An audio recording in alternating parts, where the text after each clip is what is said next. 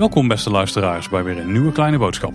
Ja, welkom bij de podcast over alles Efteling. Met Tim Hinsen en Paul Sprangers. En Tim, dit is weer een nieuwe aflevering in eh, onze serie Mijmeren met. Want eh, we gaan het vandaag hebben met een speciale gast over zijn relatie met de Efteling. En we zijn ook heel benieuwd wat deze specifieke gast het namelijk doet in het dagelijks leven. Ja, jij zegt het al Paul, een bijzondere gast. Want eh, wij heel af en toe kijken wij nog wel eens naar, naar onze luistercijfers. Nou kunnen we daar niet heel veel uithalen. Maar volgens mij kunnen we wel zien waar op de wereld onze luisteraars naar Kleine Boodschap luisteren. En er zijn natuurlijk een heleboel mensen die Kleine Boodschap vanuit Nederland luisteren. We hebben aardig wat Belgische luisteraars. Volgens mij af en toe wel eens wat luisteraars uit Engeland en Duitsland en de Scandinavische landen. Maar alweer een hele tijd geleden zagen we een heel raar puntje ergens in Afrika, in Oeganda. Dat klopt, ja. ja daar zat ook iemand te luisteren naar Kleine Boodschap. Ja, en wij dachten nog dat moet haast wel een foutje zijn. Tot we ineens een mailtje kregen van een luisteraar uit Oeganda. Ja, het zal geen verrassing zijn dat dat de luisteraar is die hier vandaag aan tafel zit. Sander Kessler, welkom in Kleine Boodschap. Dankjewel. Ja, we moeten eigenlijk zeggen Father Kessler, hè? In het Engels uh, word ik inderdaad met vader aangesproken. Ook wel een mooie titel. In Nederlands kennen we dat niet. Wij zeggen eerwaarde, maar uh, vader vind ik toch wel iets mooier klinken. Dat betekent dat dat voor jou uh, tijdens dit interview ook als eerwaarde moet uh, aanspreken? Je mag gewoon Sander zeggen, vind ik meer dan genoeg. Dan maakt het wel makkelijker voor ons, ja. Nou Sander, dan heb ik in ieder geval één hele grote vraag om mee te beginnen. En deze mag je letterlijk en figuurlijk interpreteren. Maar hoe kom je in godsnaam in Oeganda terecht? Met een vliegtuig. de laatste tijd is dat wel af en toe wat lastig, eh, geloof ik. Uh, om priester te worden moet je een uh, achtjarige opleiding doen. Dat heb ik in Den Bosch gedaan. Ja, zoals de huidige kerkelijke situatie in Nederland is, wist ik al na mijn priesterwijding, dan lig ik vast en dan heb ik geen bewegingsruimte meer. En ik had toch iets, voordat ik echt vast lig, wil ik nog iets ontdekken. Dus ik besloot vrijwilligerswerk te gaan doen in Oeganda voor een jaar. En gedurende dat jaar kreeg ik eh, de aartsbisschop ter plekke op bezoek met de pastoor. En die hadden zoiets van, kun jij niet blijven? Ik heb een onderwijsachtergrond, kon ik directeur worden van een middelbare school. En na heel lang wikken en wegen heb ik besloten te blijven. Dat was 2012. Dus ik ben nu tien jaar in Oeganda. En Zo.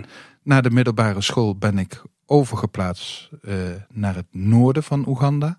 Ik zat eerst in het zuidwesten, toen naar het noorden. Daar is een derde vluchtelingenkamp bij de grens bij Zuid-Soedan ontstaan. De eerste kamp is door de EU eh, gefinancierd en onderhouden, de tweede door de VN.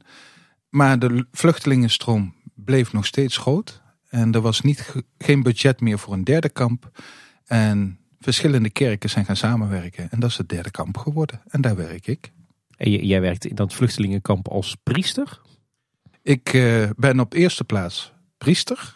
En vanuit de priesterlijke taak ben ik verantwoordelijk gemaakt voor de organisatie van 15 basisscholen. Ja, even voor de duidelijkheid.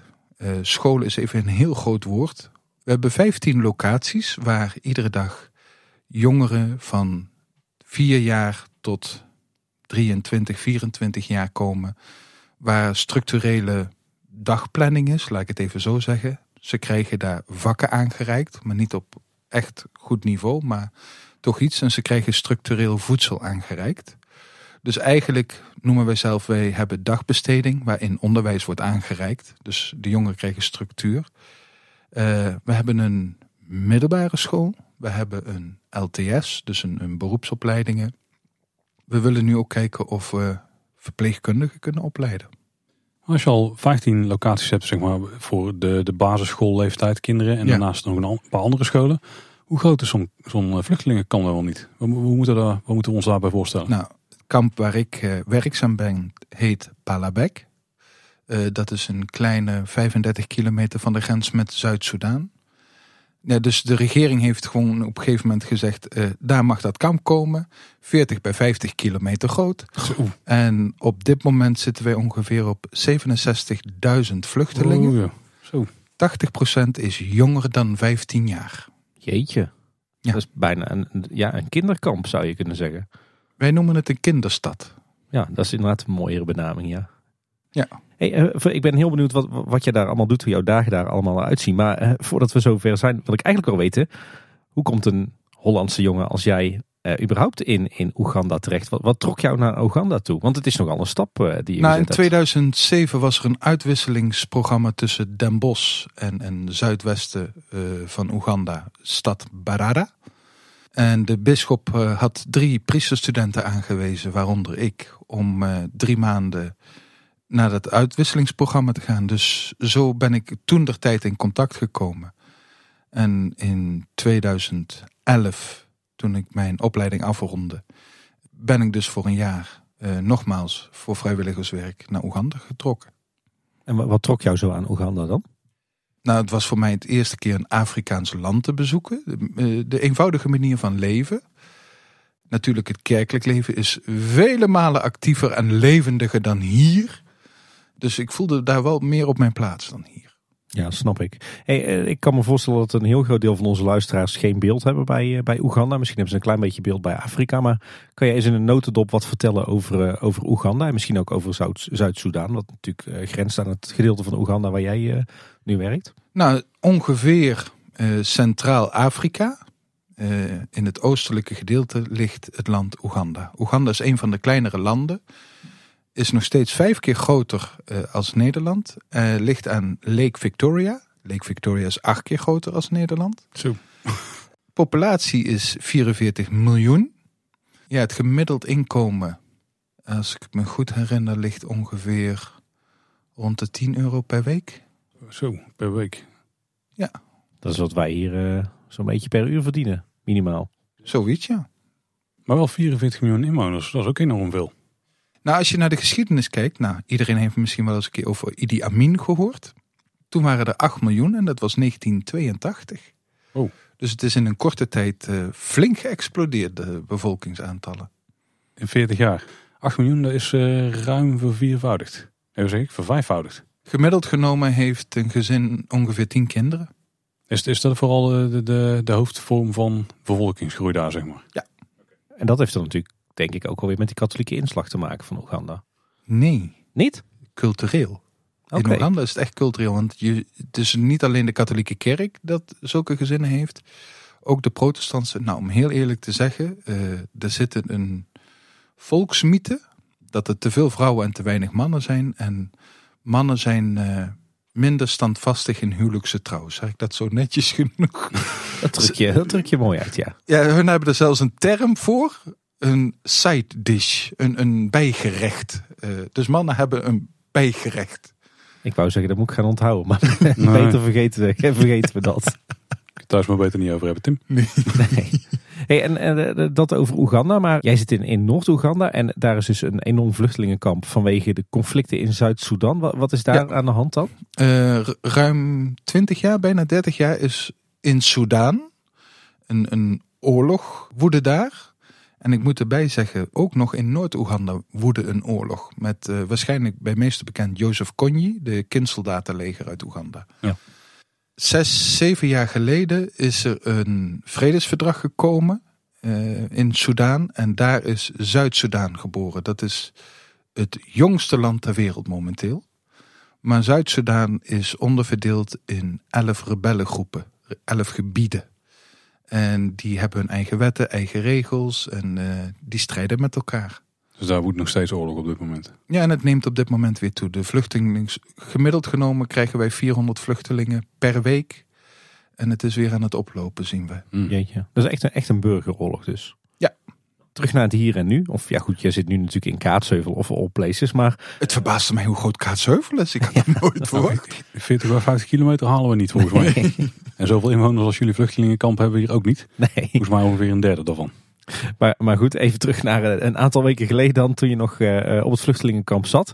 Uh, ik kan me voorstellen, uh, jij zit daar als, als Nederlandse jonge man.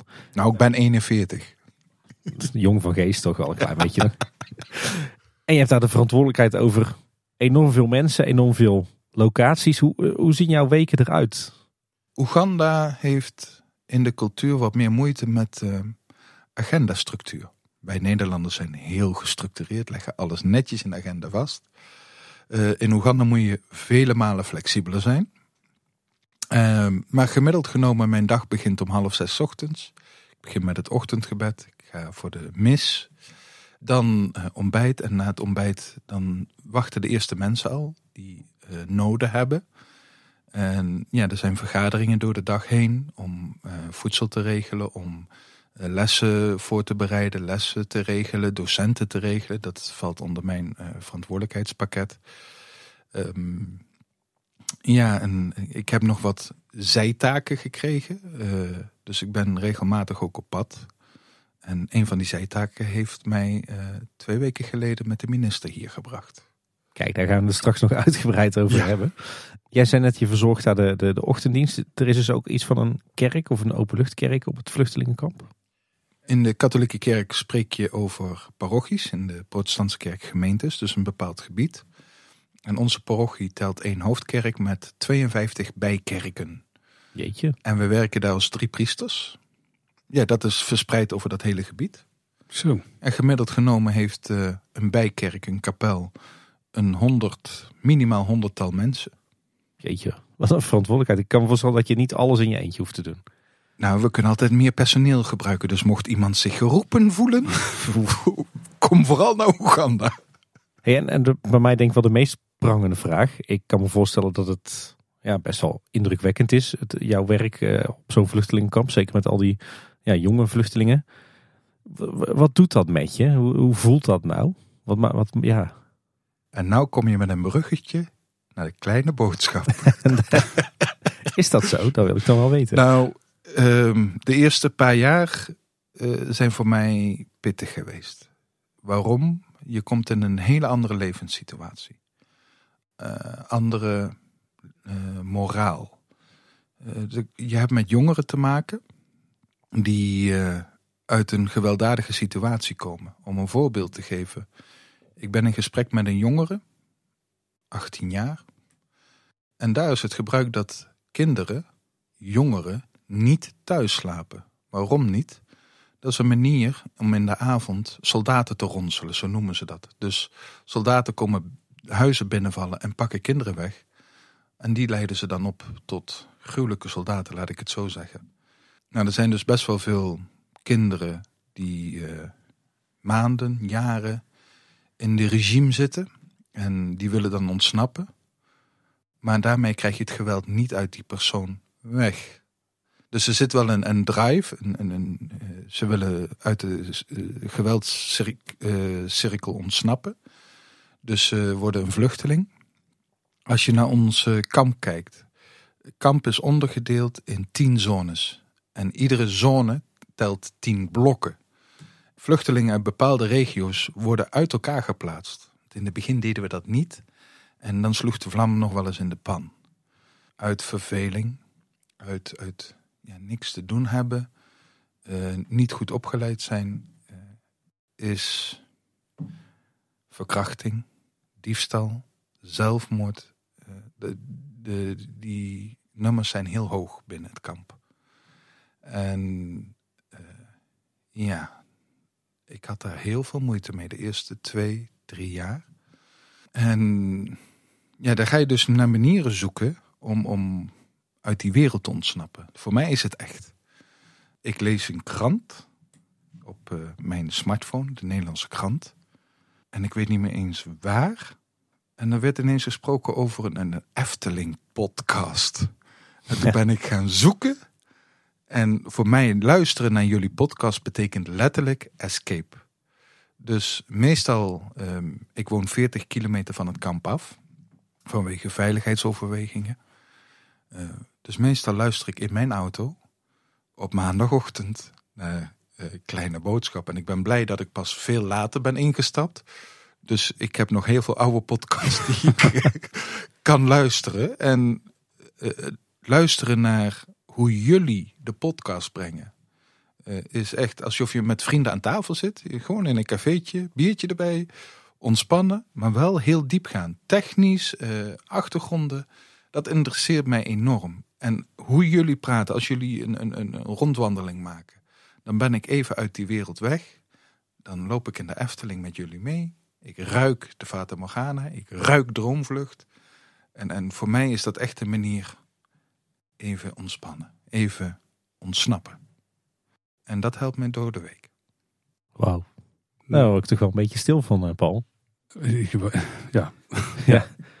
Ja, nou, een hele eer dat wij dat voor jou kunnen betekenen. Zeker gezien het, uh, het waardevolle nou, het is mijn eer doet. om hier te zijn en uh, jullie in levende lijven te zien. Niet alleen de stem, maar nu ook oog tot oog. Ik denk dat we naar de Efteling zelf toe moeten gaan. Want uh, het feit dat jij natuurlijk ons luistert, er zal niet alleen om ons gaan, maar ook over het onderwerp wat wij behandelen. Want weet je nog wanneer je voor het eerst met de Efteling in aanraking kwam? Nou, ik, heb, ik denk deze vraag gaat komen. Ik uh, kan me niet goed herinneren mijn eerste keren Efteling. Ik, ik heb foto's gezien dat ik als baby in het kabouterdorp door het raampje door mijn broer en de buren werd vastgehouden. Dat is nog nooit bij iemand in Nederland gebeurd, denk ik. um, ja, de, ik, ik zie wat kinderfoto's op de paddenstoel zittend. Um, ik kan me nog wel herinneren altijd um, dat ik zenuwachtig werd als ik wist dat ik naar de Efteling ging. En mijn ouders die zeiden dat ook nooit pas op een moment van vertrek. En ik had gruwelijke angst voor draak lichtgeraakt. Daar kon ik nachtmerries van krijgen als kind. Dus ik, ja, ik heb heel veel herinneringen, maar ik kan niet zeggen van... Ja, ik denk vanaf mijn geboorte dat ik in de Efteling kom. Maar ik ja, kan niet echt zeggen van, ah, daar is mijn vroegste herinnering. En eh, heb je enig idee hoe vaak je in de Efteling kwam? Want uh, woon je vlak bij de Efteling? Ik woon bij Nijmegen. Nou, er is een periode geweest eens per jaar met mijn ouders. En toen ik zelf mocht gaan, uh, ja, uh, met vriendengroepen, met mijn vriendinnetje. Uh, ja, dan werd het twee keer per jaar, drie keer per jaar. En ik kom nu uh, één maand per jaar naar Nederland. En dan haal ik toch nog wel drie keer per jaar uh, bezoek aan de Efteling. Kijk, dus je beschouwt jezelf wel echt als een ras-echte Efteling-liefhebber. Nou, het is wat sterker geworden sinds ik niet meer in Nederland woon. Ja, toch een beetje missen misschien. Ja, uh, ik heb er wel eens met vrienden over die uh, ook uit het buitenland komen, hier in Nederland werkzaam zijn. En die zeggen van ja, als je je geboortegrond verlaat, dan die afstand, dat geeft toch wel weer een verlangen. En heel veel Oegandezen snappen het niet, maar als je bij mij op kantoor komt, staat er dus die hamster Efteling knuffels, van die Lideville Efteling beeldjes. En dan moet ik altijd uitleggen van wat is dat? En dan snappen ze dat niet helemaal. Uh, maar voor mij is dat uh, toch een beetje een manier thuis te creëren ver weg, laat ik het zo zeggen. Ja, dat kunnen wij zeker snappen. En wij wonen dichterbij, kan je nagaan. Bij ons gebeurt het ook. ja. Je hebt het misschien al een beetje aangehaald, maar, maar toch wel interessant om er nog even op in te zoomen. Wat betekent Efteling voor jou? Escapisme, hè? Even ontsnappen aan de werkelijkheid. Ja, als je in de Efteling loopt, al die paden zijn niet recht. Dus um, je zit echt in een hele andere wereld. Bosrijk, ik hou ook enorm van natuur. En ja, het is echt in een andere wereld onderdompelen. En ik zet ook meestal uh, mijn telefoon uit. Ik, ik, ik, gebruik de app ook niet. Dat mij, ik niet gestoord kan worden als ik in de Efteling ben. Want Oegandezen kunnen te pas en te onpas allerlei vragen stellen. En als ik daar ben, wil ik ook echt even alles afsluiten. Dus voor mij is de Efteling nu, sinds ik in Oeganda zit, uh, ontsnappen. Voorheen was het echt ontspanning, nu is het even helemaal relaxen. Er zit misschien ook wel een interessante uh, koppeling tussen uh, de Efteling en jouw werk. Want uh, voor veel mensen is het geloof natuurlijk ook een stukje een vorm van escapisme. Hè? Even de, de ellende vergeten, rust zoeken, hulp zoeken. Zit daar voor jou ook een connectie tussen? Tussen enerzijds het, het, het geloof en jouw rol jouw, als priester en anderzijds jouw liefhebberij voor de Efteling? Hoeveel tijd krijgen wij met de podcast? Je luistert, je luistert ons, uh, Sander. Dus Drie uur, oké. Okay. Ja. nee, um, voor mij is het geloof... Um, ja, van huis uit ben ik katholiek opgevoed. Toen ik 15, 16 werd, had ik de kerk verlaten. Ik vond het saai, ik, ik begreep er niks van. Ik werd 18 en mijn neefje van ook 18 uh, na een jaar kanker overleed. Mijn oma van 94 zat in de rolstoel bij de uitvaart naast de kist. En ik had zoiets van, dit is niet eerlijk. Een vrouw aan het eind van haar leven leeft door. Een kind, een jonge iemand, wat aan het begin van zijn leven staat, is ten einde. Dus toen begon ik te worstelen. Ik had niks met de kerk, maar ja, als er een God is, hoe kan die dit toestaan? En, ja, toen ben ik mij gaan verdiepen van wie is God en, en wat is rechtvaardigheid. En, dus met die levensvragen begon ik te worstelen. Ja, na die worsteling eh, kwam ik thuis in de katholieke kerk. En ik vergeet het nooit meer. Ik, ik ging ooit een keer eh, op vakantie. Een goedkoopst mogelijke manier naar Frankrijk. Nou, dat was met een jongerengroep mee naar een klooster. Waar 2 miljoen jongeren van over de hele wereld een weekje samenleven. Onder Lyon. En, en eh, ja, ik ging nooit naar de kerk. En nu moest je drie keer per dag naar de kerk. En na twee, drie dagen rende ik gillend weg. Dit was niks voor mij. En sindsdien, uh, ja, ik had geen geld. En dus ik had iets van, ja, ik moet met die groep blijven en ik moet met die groep terugreizen. Dus ja, maak er maar het beste van. En sindsdien kwam ik daar ieder jaar. En uh, toen ben ik ooit met mijn vriendin uh, daar geweest. Met mijn vriendin zat ik altijd samen in, in de kerk. En een keer besloot ik alleen te zitten ergens anders. Nou, er waren 10.000 mensen in de kerk. Even voor de duidelijkheid, dit is niet een kerk eh, wat wij hier voor ogen hebben. Dus uh, uh, gotische ramen, mooi gebrandschilderd en banken en zo. Nee, er is gewoon één vloer. Er staan geen banken in. Dus iedereen moet op de grond zitten. En daar hangen wat doeken voor in de kerk met een groot kruis. En 10.000 jongeren van over de hele wereld zingen samen. Dus er zijn geen gebeden, maar gezangen van uh, begin tot het eind. En in één keer werd ik geraakt door God. En ja, toen ben ik die richting opgegaan om priester te worden. Nou, een priester mag geen vrouw hebben. Dus uh, ik heb mijn relatie verbroken. En voordat ik uh, naar de opleiding voor priesters ging, werd me geadviseerd: wacht maar eens een jaartje. Je hebt net de relatie verbroken overweeg alles eerst voordat je komt. Dus uh, na een jaartje overwegen heb ik de stap naar uh, de opleiding gezet. Dus voor mij is het geloof een persoonlijke relatie met God. Uh, en God beweegt ons om uh, voor de wereld in te zetten. Dat is wat ik geloof. Dat is volgens mij ook aardig gelukt. Als ik hoor wat je allemaal doet in het dagelijks leven tegenwoordig. En hebt gedaan al. Maar iedereen doet dat op zijn of haar eigen manier. Even terug naar jouw, jouw, jouw connectie, jouw, jouw band met de Efteling. Hè? Dus waar voor velen het geloof uh, een vorm van escapisme is, is de Efteling dat nu voor jou. Uh, als je terugkijkt naar, naar al jouw bezoeken aan de Efteling, wat is dan eigenlijk jouw favoriete Efteling herinnering? Ik heb er vele. Een paar jaar geleden, mijn ouders leven nog. Mijn uh, vader is nu 85, die is slechte been. Ja, toen hebben wij als verrassing met de kleinkinderen en mijn ouders en mijn schoonzus en wat vrienden een dagje Efteling geregeld met uh, zo'n scootmobiel wat je kunt huren. Het is mooi om te zien, mijn neefjes waren toen vier jaar en zes jaar oud. Dus we gingen met hun en hun leidden ons door de Efteling. En voor mij was dat eigenlijk voor het eerst om met uh, zo'n jong kinderen naar de Efteling te gaan en door hun ogen de wonderlijke wereld te zien. En ik vergeet nooit meer dat moment bij uh, Pinocchio dat uh, mijn jongste neefje die schrok van uh, de klap van de ton van uh, de kat en de vos. En zijn manier van schrikken maakte mijn vader zo aan het lachen. En ja, dat is op dit moment mijn dierbaarste herinnering. Mooi wat, ja. die, ja, mooi wat die kleine momenten toch kunnen betekenen. Hè? Ja. Je vertelde net een anekdote dat je met uh, je familie er naartoe was gegaan. Maar ga je meestal alleen naar de Efteling? Want als je drie keer per jaar gaat, dan kan ik me voorstellen dat daar misschien de vorm is waarin je Ik ga nooit alleen. Nooit alleen? Nooit. Oh kijk, was je gezelschap dan vaak? Uh, met vrienden, uh, met kennissen, met familie. Dus de onthaasten doe je echt met, met z'n allen, zeg maar? Ja. En, en als je met, met je vrienden je, je, je kennissen naar de Efteling gaat, hoe ziet zo'n een typische dag Efteling er dan uit voor jou? Nou, dus als ik met familie ga, er zitten wat kleine kinderen bij... Dan is het meer uh, Droomvlucht, uh, Villa Volta, Sprookjesbos. Ga ik met mijn vrienden, dan is het wat meer gefocust op uh, de Baron, Villa Volta, de wat ruigere attracties, laat ik het zo zeggen. Ja, mijn kennissen zit het ook een beetje in die hoek. En gaat de eerwaarde zelf dan ook in de achtbaan? Ja. We zien prettoogjes. En um, als je dan de Efteling binnenkomt lopen, want stel je, je bent weer elf maanden bij in Oeganda geweest uh, en je komt dan voor het eerst weer in de Efteling. Waar gaat het dan door je heen?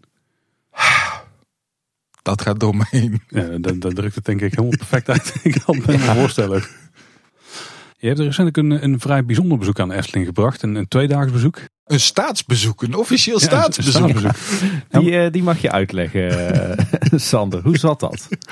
Nou, ehm, laat ik eerst bij het begin beginnen. De katholieke kerk organiseert gemiddeld genomen drie keer, of eh, eens in de drie jaar, een groot jongerenevenement, Wereld Jongerendagen. Afhankelijk of het in Europa of elders op eh, de wereld is, eh, komen er 2 tot 3 miljoen jongeren twee weken bij elkaar en de paus komt daar dan ook. En een van de taken die ik in Oeganda heb, is om te kijken dat evenement naar Oeganda te halen. Nou, het is nog nooit in Afrika geweest. Dat zal de eerste keer worden. Ik heb wat ervaring met in deze organisatie te werken voor dit evenement. Zo ben ik eh, werkzaam op het ministerie van Toerisme, Wildlife eh, en Antiquities. Naast al het werk wat je al, überhaupt al doet Ja. op het vluchtelingenkamp. Ja. Nou, op dit moment stelt dat werk nog niet veel voor. Het is vooral, eh, we moeten een rapport gaan maken of wij in staat zijn dit evenement te organiseren. Dit is, en door de corona is dat wat flink vertraagd. Dus ja, het is een beetje uitgespreid. En toen werd ik een keer gebeld door, eh, ja, eh, het, het eh, Oegandese politieke systeem is wat anders. Je hebt dus een staatsminister, die is door de president aangesteld. En je hebt een minister. Dus er zijn twee ministers, maar de macht ligt bij de staatsminister. Ik werd dus een keer gebeld door de minister van... eh, goh, heb je ooit gehoord eh, over deze investeringsgroep? En ja, toevallig kende ik wat mensen eh, uit die groep. Dus ik zei ja. Oh, die, ja, die willen iets met eh, leisure of eh, pretparken gaan doen in Oeganda. Ik zei, oh, dat is mooi. Toen vroeg ik, wat is een pretpark? En daar kon hij geen antwoord op geven. Ik zei, nou, voordat je gaat onderhandelen, moet je toch eerst, wil ik jou iets leren wat pretpark is. Oh. Nou, dus hij heeft mij eh, delegatiehoofd gemaakt. Ja, dus echt om de Efteling te bezoeken, om te leren. Om, eh, en dat vond ik heel erg belangrijk. Kijk, als je nu de Efteling binnenkomt, je wordt overweldigend van waar het niveau van de Efteling nu is. Maar hoe is het ooit begonnen? Hoe is het ontwikkeld? Eh, welke groeifases, groeipijnen hebben ze gehad en waarom? En dus ik wou vooral die ehm, eh, achterkant gaan belichten. Dus dat de mensen eh, die eh, moesten gaan onderhandelen, eh, ja, dat die goed beseften van waar hebben wij het over? Want, want er is dus een investeringsgroep in Oeganda. Die In wil, Nederland? Oh, in Nederland. En die wil in Oeganda een leisurebestemming gaan bouwen. Ja, dus ehm, plat gezegd een Afrikaanse of een Oegandese sprookjesbos. Dus met lokale verhalen. Nou, Oeganda telt 64 stammen, 52 verschillende talen. Nou, iedere stam heeft zijn eigen verhalen. Dus ik denk dat daar een enorme bron ligt om iets met eh edutainment of infotainment te gaan doen in de vorm van een sprookjesbos. Hmm, kijk. Dat heeft zeker potentie, eh, kan ik me zo voorstellen. Misschien niet, niet de eerste eh, bestemming waar ik aan denk voor mijn volgende pretparkreis, maar wie weet. Nou, maar ik, ik kan me voorstellen, ehm, de verschillende stammen in Oeganda kunnen niet helemaal goed met elkaar overweg en die hebben allemaal vooroordelen. Dit zou daar een, een goud eh, idee voor zijn om stammen wat dichter bij elkaar te brengen, meer begrip voor elkaar te krijgen. Maar ik weet ook dat bij heel veel Westerlingen, eh, bij de westerse wereld, eh, een nieuwsgierigheid is naar Afrikaanse cultuur. Dus ik zie hier mes snijdt aan twee kanten, laat ik het zo zeggen. En, en de Efteling is natuurlijk ook ooit begonnen vanuit de katholieke kerk. Ja, dat klopt. Was het ook een van de triggers om eh, de Efteling erbij te pakken? Of stak jou natuurlijk ook als een paal boven water. Dat moet de Efteling worden, maar... Nou, dat is gewoon puur toeval. eh, mijn interesse voor de Efteling. Dus het is niet zo van dat er vanuit de katholieke kerk gezegd wordt: oh, laten we eens naar de Efteling gaan. Maar het- waarschijnlijk gaat de katholieke kerk in Oeganda een hele grote rol spelen eh, bij de ontwikkeling hiervan. Dat wel. Ik, kan me voorstellen dat het, dat het klimaat er in de Efteling is ontstaan enigszins vergelijkbaar is met hoe het in Oeganda nu is. Want de, Ja. de kerk speelt een grote rol daar eh, Ja. in eh, het dagelijks leven. Eh, de, de economische situatie, ja, die is niet vergelijkbaar denk ik. Want dat is heel moeilijk om die vergelijkbaar Ja. te maken. Maar die is groeiende volgens mij ook nu. Ja. En de Efteling is ook heel klein begonnen. Wat volgens mij ook daar het idee is, toch? Nou, ik zeg heel eerlijk, in de gesprekken die zijn geweest, begon de commissaris en de adviseur en de minister eh, al een beetje door te dragen van oh, we kunnen tweedehands uh, achtbaan gaan kopen. en ik, daar ben ik echt op de rem gaan staan van zo is de Efteling niet begonnen. ik denk ook het niveau waar het land Oeganda is om een achtbaan te onderhouden. mijn vertrouwen is daar niet al te groot. Dus ik heb vooral zoiets van waarom laten we niet gewoon met een soort sprookjesbos beginnen. En dan lopen we tegen wat kinderziektes aan. Kunnen we die verhelpen voordat wij uh, grote financiële verantwoordelijkheden gaan dragen? Ik, ik zou ook een speeltuin en een theehuis doen. en die moet dan panorama heten? ja, misschien traptreintjes of zo. Ja.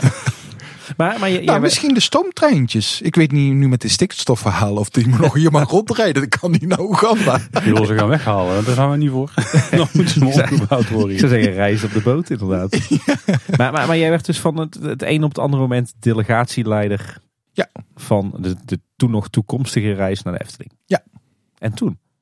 Nou, ik kwam dus met het idee van jullie, ik vind dat jullie moeten weten wat een, een pretpark is en uh, hoe het zich ontwikkeld heeft en waarom. Ehm, en toen zei de commissaris uh, van de toerisme, nou dat is heel mooi. Dan uh, zet alles maar op.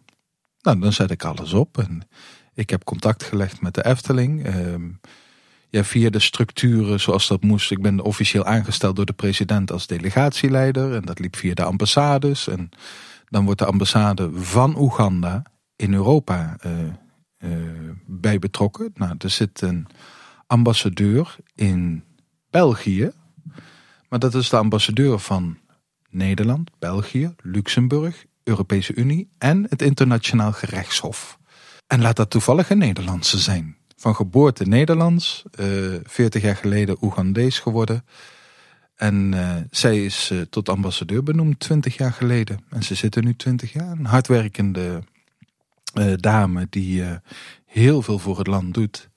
Nou, dus via haar zijn we alles officieel gaan opzetten met de Efteling. En uh, ja, met alle bezoeken die we daarnaast ook nog gebracht hebben.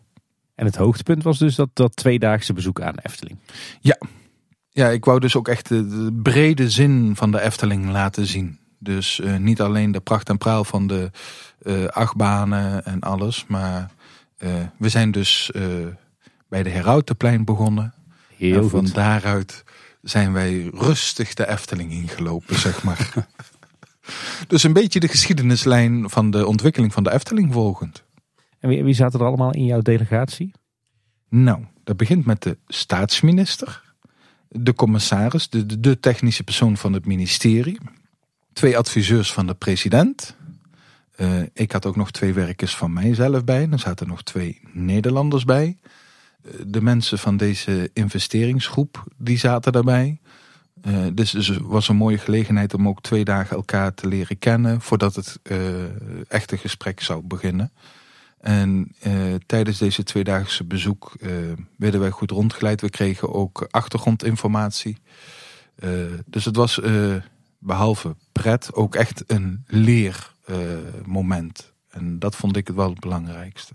En je bent natuurlijk uh, geoefende Efteling-bezoekers, Sander. Maar het mooie van uh, zo'n delegatie is natuurlijk dat, uh, dat er ook mensen bij zitten die, nou, die en nog nooit in de Efteling zijn geweest. En waarschijnlijk nog nooit op een vergelijkbare plek. Nee. En wat nou heel tof is, is dat wij een tijdje geleden toen jullie waren met de delegatie, wij de staatsminister hebben mogen spreken in het Loonse Land. Want daar verbleven jullie. En ja. daar gaan we nu eens even naar luisteren. Paul, this is a first one for us. Yeah, this is our first uh, interview in English. Yeah, well, well, I believe it's our second because at one time at uh, the official opening of uh, Fabula, we talked English uh, when we interviewed yep. Uh, the the art director from uh, Aardman. But uh, today we have a completely different guest. Yeah, one of the the most interesting things I think that we have as fans of the Efteling is that you sometimes hear people that experience the Efteling for the first time that are not from the Netherlands, that are not coming to the park since they were young, but that they have a different background and then visit the park for the first time. And I think that today uh, we have a very special person uh, in our midst who uh, has visited the Efteling for the first time. So uh, yeah, let's introduce him. Yes, uh, opposite of me is uh, Honorable Minister Bahinduka Martin Mugara of the Ministry of Tourism, Wildlife and Antiquities of Uganda. Welcome in our show. thank you for having me, Tim and Paul, and good evening to our listeners out there. Uh, welcome. Uh, welcome also at uh, the Loonse Land, the, the resort of the Efteling, one of the resorts. Could you introduce yourself shortly? Uh, well, I am, like you've said, uh, Bahinduka Martin Mugara. I'm the State Minister of Tourism, Wildlife and Antiquities in one of the beautiful country in East Africa called Uganda. So, and I'm glad to be here in the Netherlands. Of course, through my friends uh, Kessler and the rest of the team that we've been with today, with my commission, with a number of officers from the Ministry of Tourism as well, to benchmark and see how we can work out something like this uh, in Netherlands. But I'm glad to be here, and at least I've had a good time so far. Ah, so that's the reason that you're here. So there are plans in Uganda to build uh, a park like the Efteling, like an amusement park. Uh, yeah, of course. So we've, we've had engagements uh, prior to, to our coming here with with Kessler and uh, try to engage and see if we can try to replicate. We don't have to exactly do what what is here, but to benchmark, uh, we shall have meetings with the directors of the park and have a discussion and see how best we can tailor something uh, only specific for, for for Uganda. Maybe it doesn't have to be the same fairy tale stories here, but something of the sort. So we've learnt a lot and uh, we shall engage uh, with, with with the management of the of the Efteling Park to see how we can uh, work out something in Uganda as well, so we can also have our people get uh, this beautiful experience. Yeah, that sounds really, uh, really interesting and promising. But before we uh, we look uh, further on that plans, can you tell our listeners a little bit more about Uganda? Because I think uh, the, the majority of our listeners has have never been in Uganda. Uh, oh yes, uh, well uh, maybe uh, quickly. Uh, Uganda is, uh, like I said, one of the countries in East Africa, one of the best uh, uh, climates uh, in the world. Uh, it has equatorial tropical warm climate with an average of 20 25 degrees uh, Celsius throughout the year. So, so you can imagine how beautiful it is. Yeah, Uh, yeah. Uh, well, it's a country that uh, has uh, maybe the largest uh, lake actually in Africa and uh, the second largest freshwater lake in the world.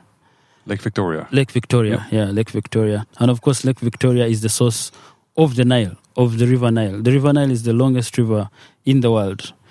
And uh, so Uganda is the source, uh, Lake Victoria is the source. And of course, still on the River Nile is where we find the most powerful uh, waterfalls in the world, most powerful on, on the River Nile in Uganda called uh, Makshan Falls.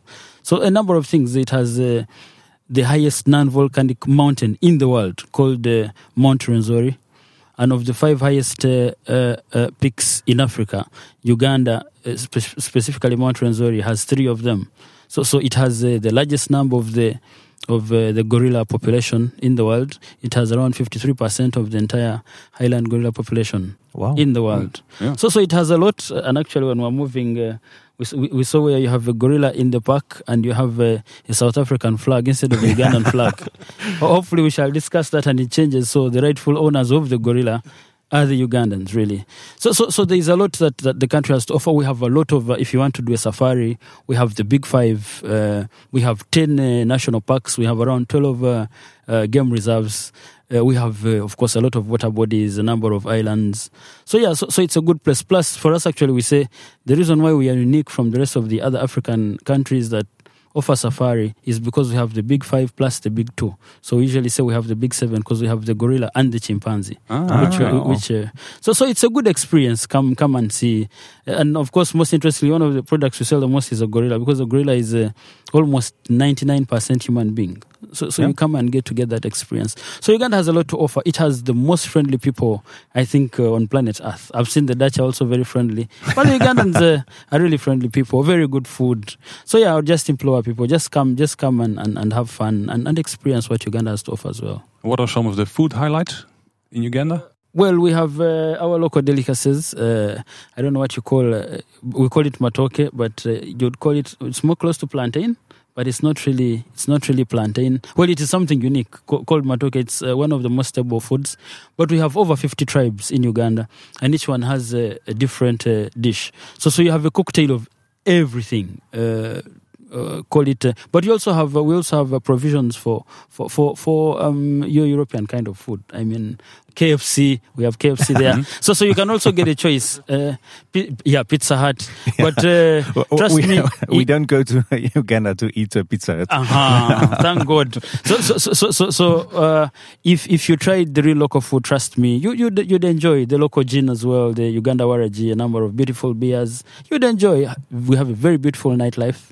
Uh, of course, Amsterdam is better than us, uh, for sure. For sure. for sure. But yeah, but we have a very good nightlife, and and the number of people have come, they have really had fun. And trust me, there is no person that has visited Uganda and has not returned. If there are some people listening, probably they would attest that what I'm saying is true. Okay, it sounds like it sounds like a beautiful country, and uh, uh, you are the, the, the honorable minister of uh, tourism and wildlife. I guess it's a real honor to have that uh, function to be and responsible for such a beautiful country. Oh yes, oh yes. Uh, of course, uh, I'm glad, but of course, it's also good. it's good at least you've had us here, and we've had a very good learning experience and we believe that God willing, we shall see how we, we, we, we, benefit out of. I mean, the technology in there is amazing, the numbers in there are amazing, the revenues are amazing. So, so the whole history around the park really is an inspiration. We have so many stories in Uganda that we can also develop uh, around uh, this kind of. Uh, uh idea to grow numbers as well and have uh, the tourism sector grow and not only focus on wildlife, uh, safari, and the rest, but also look at this as an opportunity to generate revenue, but also to create um, avenues where the Ugandans can come and uh, have an experience, but even the foreigners as well to come and have. So it's been a very good uh, experience for us, and hopefully we shall make some positives out of it. Oh, uh, because uh, how did you get the idea to uh, develop uh, like a, a, theme park resort in Uganda? Uh, well, of course, uh, all of us growing up really have seen have seen uh, um, um, the importance of this, uh, watching movies and the rest.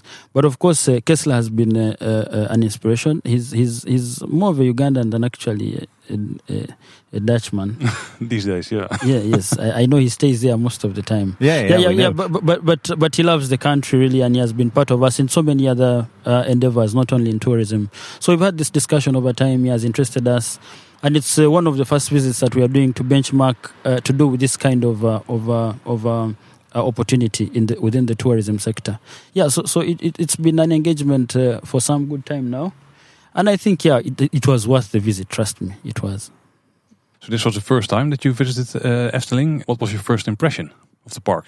Uh, first of all, the story around the park alone. Uh, you, you, know, I, I, know a number. Well, in Europe, uh, for for us, a number of people may not know much about the park. But you see, once you get here and, and you get to know the story vis-a-vis the other parks that are out there, I think it's it's really interesting. The history around it, how it came into existence after after the shoe um, industry collapsing, and then you had to find jobs through the Catholic priests and then the mayor involvement and then it has grown over the years to this. I mean first class technology and now it keeps transforming. I mean if you look at the accommodation around it. So so, so it's uh, it's uh, really something inspiration that we ought to learn uh, from as well uh, especially for us let's say in, in the developing world that sometimes uh, something doesn't have to happen instant uh, spontaneously. It's over a period of time and hard work that at the end of the day you'll get visitors because I was told you get around 5 million visitors per year. I mean, that is a huge number. So we can also start small. You are very well informed, uh, I must say, about uh, Efteling. Well, that's an interesting insight because most uh, companies these days they want to uh, start at the point where some parks took like dozens of years to get. Mm. Well, you indeed can start small and then build it out like they did here. Yeah. Oh yes, oh yes, oh yes, and and this is a very good story, really. Uh, at least I've not been told. I've seen it, experienced it. I'm here with the, my commissioner for tourism, and we've picked a number of ideas, and we say, and and uh, probably even some partnerships from from from even you here, because at least we've been discussing with the. We shall have some more meetings with the with the private sector that are willing to see how we partner and make uh, some of this a reality. And what were some of the highlights that you saw in the park? Well, uh, I would say, uh, what do you call it? The, the water, the roller coaster, the water. The Flying Dutchman?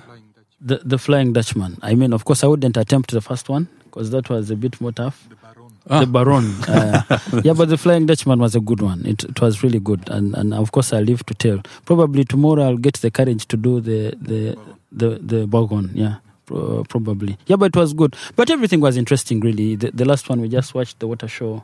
Ah, Aquanura. Yeah, and a number of things really. I, I think it was uh, plus where I went and saw all these countries and, and, and the carnival festival. Yeah, so there were there were a number of interesting things really. The stories, uh, all these uh, the tree, the, the the, the talking tree. The talking tree. Ah, okay, yeah. Yeah, so so it, but it's also interesting to see the young kids uh, have this experience and be so happy. But of course, the, the, the other interesting thing that, that, that I've seen about the Efteling is uh, is uh, the ability to, to create so much uh, um, activities in that you cannot accomplish them in a day.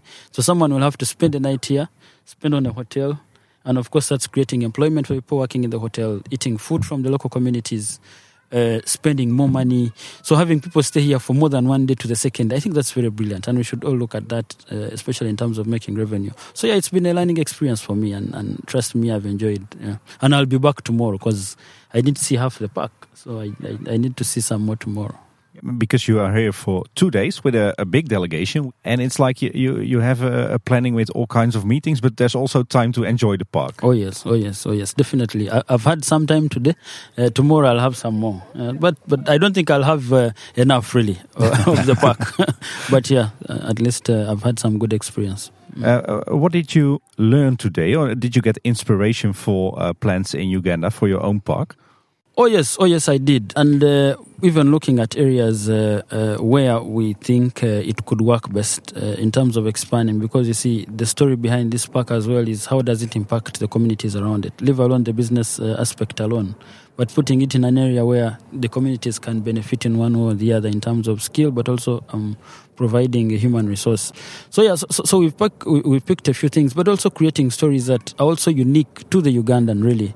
Uh, because for us we have, for instance, uh, we have, like I said, around 52 different tribes, and each one has had a story as as kids growing up, even taught in schools. So making this a reality so that kids can come and really see what we are talking about, but also maybe even inculcate some of the Western. Uh, uh, uh because most of them have watched most of these movies. I mean, so so so yeah, it, is something. But what we've learned is we can also tailor it for our own community to benefit out of their own stories that they've had uh, growing up yeah, so so it's been interesting, really. Yeah, yeah. Oh, uh, were there also things that reminded you of home in the park? Uh, first of all, interestingly, I've been around Europe, but the, the weather alone has been. Uh, I think this has been a good time. Oh yeah, you're in the right time of the year. Uh, yeah. the, the, last time I was here, I think I was going to Spain through Amsterdam, and it was it wasn't easy. So, so I think that's that's interesting. It was 22 to 24 degrees today, so that's exactly the uh, medium almost, temperature. Uh, yeah, yeah, almost, almost in Uganda. Yes, so, so, of course that, and then seeing uh, something close to the gorilla when when when we are moving around. I, th- I think that did it for me. But also, I mean, everything, all this, uh, as a kid, really the stories that because you see it, it, wasn't only the young kids enjoying the experience even the older generation and, and not with families. I think on their own. So, so, so you can see how, how, how we can also use the same to impact generation after generation. I mean, whoever comes here as a kid brings the, the kid uh, when they are grown, but also brings the grandchildren. So that kind of connection over a period of time. Yeah, so I think we can relate those to a number of uh, things that we can also do in Uganda. And, and, I understood this evening you, you had dinner at uh, Ravelijn, at uh, the Hero uh, dinner. Oh did yeah. You, did you like that? Oh yes, oh yes. Uh, and actually, it was my best meal uh, since I came yesterday. very very good uh, steak, and yeah, it was wonderful. It was. Yeah. If uh, if you get back to Uganda, what's the first thing uh, you'll do? Uh, plan a new theme park? Uh, no, that's why I'm here with the with the technical expertise. Really, we, have been having discussion. We shall go and discuss this. It doesn't have to happen tomorrow, as soon as I get there. But it's an idea, really. We, we, are trying to see how we develop it, just to supplement what we already have, so, so, that we can have uh, some revenues. Uh, so we can make slightly. I mean, you you make around twenty two billion dollars in, in in tourism alone. We make around one point six billion before COVID, we wanted to go to around 3 billion. So every opportunity that that that, that we can jump on to, to increase our revenues is, is business for us. Yeah. So so it's it's something we're going to discuss uh, at, at, at at the highest level with the technical people, but also to engage with the management of the park to see what kind of help they can give um, and see. Hopefully, this can become a reality. Yeah, because uh, the Efteling could play a role in the developments in uh, Uganda. Oh yes, oh yes, and and uh, that's why I'm thanking Kessler for putting this up. Uh, we shall have discussions tomorrow, and see how they can also come in and help uh, us to develop uh, this, because there are things we can already do as a country, providing uh, a few things that would easily um, start the process. So, so let's we, we, shall have a discussion and see how to go forward uh, in terms of uh, having the same in Uganda. Not exactly because the investment here is crazy, but but uh, whatever we can really put on ground in, in, in our country and with uh, local stories, I guess, and yes. a local team. Yeah. Yes, yes. Mm. Well, then, uh, thanks, Honorable Minister, for uh, taking the time to talk to us. And uh, it was very interesting to uh, hear your vision on the park and especially the plans that you have for Uganda. Oh, oh okay. Uh, thank you, Tim and Paul, uh, for having me. But just calling upon all the listeners and you, I don't know, have you been to Uganda? No, not yet. No. no. Come on, we should work on this. So please, I'd be glad to have you, uh, but also call upon the others. Please come. And, and if there's anything we can do to help, That's great. Thank you very much. Uh, a visit to Africa is still uh, high on our wish list, but, but I guess if we go to Africa, we should definitely go to Uganda. Oh, and let me tell you why. Do you know uh, the, the the greatest explorer called uh, Winston Churchill, uh, after traveling the entire Africa, then said that called Uganda the pearl of Africa. After traveling, and, and he quoted well. I mean, not, I'm just trying to pref- uh, maybe not exactly say what he said, but if I had time, I'd look at the book he wrote because he, he published a book, I think, in 1902, where he said uh, called Uganda the pearl of Africa, but he explicitly said that be it for nature, be it for the birds, be it for everything else, there is no country as gifted as Uganda. Because actually, if I told you, for instance, uh, Uganda is among the top 10 most biodiverse countries in the world with over 10,087 species of uh, all kinds of things in, in terms of so f- fauna and flora. So, so it's uh, so so uh, my brother Tim and Paul. If you visit Africa and you do not visit the real pearl of Africa, you don't know what you're talking about. you don't have visited Africa. You have definitely uh, convinced us, that's for sure. Sure, sure. Uh, Thank you again. thank you as well. Thank you. Thank you very much. Okay, Have a nice uh, stay here. Oh, thank you, thank you, sure. Ja, we hoorden net uh, de, de staatsminister, en dan moet ik het even goed zeggen, Bahinduka Mugara Martin. Correct. Kijk, maar ik begreep dat jij Martin mag zeggen. Ik mag Martin zeggen. Zoals hij jou uh, stevast vader Kessler noemt. Ja, vader Sander. Ja. Ah, kijk. Zeg, we hoorden net uh, wat, hij, uh, wat zijn eerste indruk van de Efteling was, wat hij van de Efteling vond. Hoe zijn jou die twee dagen bevallen? Wat is jou er nog van bijgebleven? Want we zijn inmiddels een paar weken verder. Het was ontzettend vermoeiend. Echt. Omdat uh, Oegandese mentaliteit, alles op het laatst regelen. Terwijl dat we in maart al begonnen met de voorbereidingen. Dus ik al tijdig aangaf over de visa en zo. Maar de adviseurs van de president en de minister zelf. Die gingen de avond voor vertrek pas de visum aanvragen. En dat zit minimaal een week tussen. Dus er moest spoed bij. En dus de ambassadeur van Oeganda hier en de ambassadeur van Nederland in Oeganda, die op dit moment in Nederland is met corona, uh, moest er even allerlei uh, noodgrepen gedaan worden om op tijd nog de visa's te krijgen. De staatsminister zou eigenlijk uh, zaterdagochtend aankomen, dat werd dus zondagochtend hierdoor. de adviseur kwam ook zondagochtend, maar weer via een andere vlucht. Ja, dat was allemaal vermoeiend en dan gingen we dus meteen vol in de aanslag en ja, dat is allemaal wel goed verlopen. Ik moet eerlijk zeggen, ik was wel verrast hoe uh, nieuwsgierig de commissaris, de adviseurs waren naar de achtergronden. Want ik dacht, ja, die zullen verblind worden van alle pracht en praal wat er is. Uh, nee, maar ze wouden ook echt uh, het naadje van de kous weten. Ja, noem eens wat dingen. Waar waren ze dan in geïnteresseerd? Nou, dus toen wij op de Herautenplein kwamen, de commissaris die kent Orlando en uh, waar wel Disney, Euro Disney kent hij ook. Uh, dus ik heb even heel duidelijk uitgelegd dat er een leeftijdsverschil en een ervaringsverschil tussen die twee uh, werelden zitten. En dat die nu echt aan de wortel staat. Heel goed. ik verdedig mijn land en ik verdedig de Efteling. Ja, um, ja dus toen we op de Herautenplein begonnen, echt vanuit de geschiedenis. En uh, ja, maar hoe was de economische situatie van toen? En waarom zijn die priesters uh, uh, dit gaan opzetten? Dus ik ben ook in de archieven in het bisdom gedoken om iets wat meer informatie te krijgen wat hier speelde. naar alle perikelen op economisch vlak en hoe de beweegredenen van de, de beide priesters waren die dit begonnen zijn. Dus de namen Ritra en de Klein zijn heel vaak langsgekomen bij jou. Ja, maar daar hadden Oegandezen wat moeite mee. Dus ik zeg altijd de parochiepriest en de kapelaan. en je had volgens mij een bomvol programma ook die twee dagen, hè? Ja, dat was een, een van de klachten die ik van de Oegandezen hoorde. Dat er geen moment rust was. Komen ze terug naar een dagje Efteling. Moesten nog met twee van die Hollanders aan tafel gaan zitten. naast de hopplanten om, uh, om over de Efteling te praten. Hoe beviel hij nou trouwens op het Loonse Land? Want ik vond het wel een interessante, interessante combi. Een uh, delegatie uit Oeganda die dan overnachtte in het Loonse Land. Ja, we hadden geen keus om met die delegatie... Want ja, die boekingen werden pas later gedaan. En met zo'n delegatie was het Loonse Land alleen over. Want ik hoopte op uh, Efteling Hotel. Maar ik moet zeggen, het Loonse Land is goed bevallen. Ja, we moesten de kamers delen. En we hebben ook veel plezier samen gemaakt. En ja, tot... Um, laat in de nacht, of ik zou zeggen vroeg in de ochtend, uh, eh, de dag doorgesproken van wat hebben we gezien, wat hebben we ervaren. En eh, ja, de vragen die ze nog hadden, daar werd eh, na jullie bezoek nog eh, lang over doorgesproken. En, en eh, als je nu terugkijkt, hè, want inmiddels zijn we dus een paar weken verder. Wat, wat, wat heeft dat bezoek nou opgeleverd? Heb je er al een beeld bij? Ja, eh, er gaat een eh, samenwerking tussen het ministerie van Toerisme en waarschijnlijk eh, de katholieke kerk komen. Nog voordat ik terug ga vliegen naar Oeganda komt er nog een gesprek met deze groep uit Nederland. Om te kijken eh, welke volgstappen, vervolgstappen er gezet kunnen worden. En ook om nog eens om te kijken van hoe gaan we dit inzetten en wat voor een structuur, eh, dus tijdsplanning gaan we dit geven. En ik heb heel duidelijk aangegeven, ik ben een priester, ik ben geen zakenman.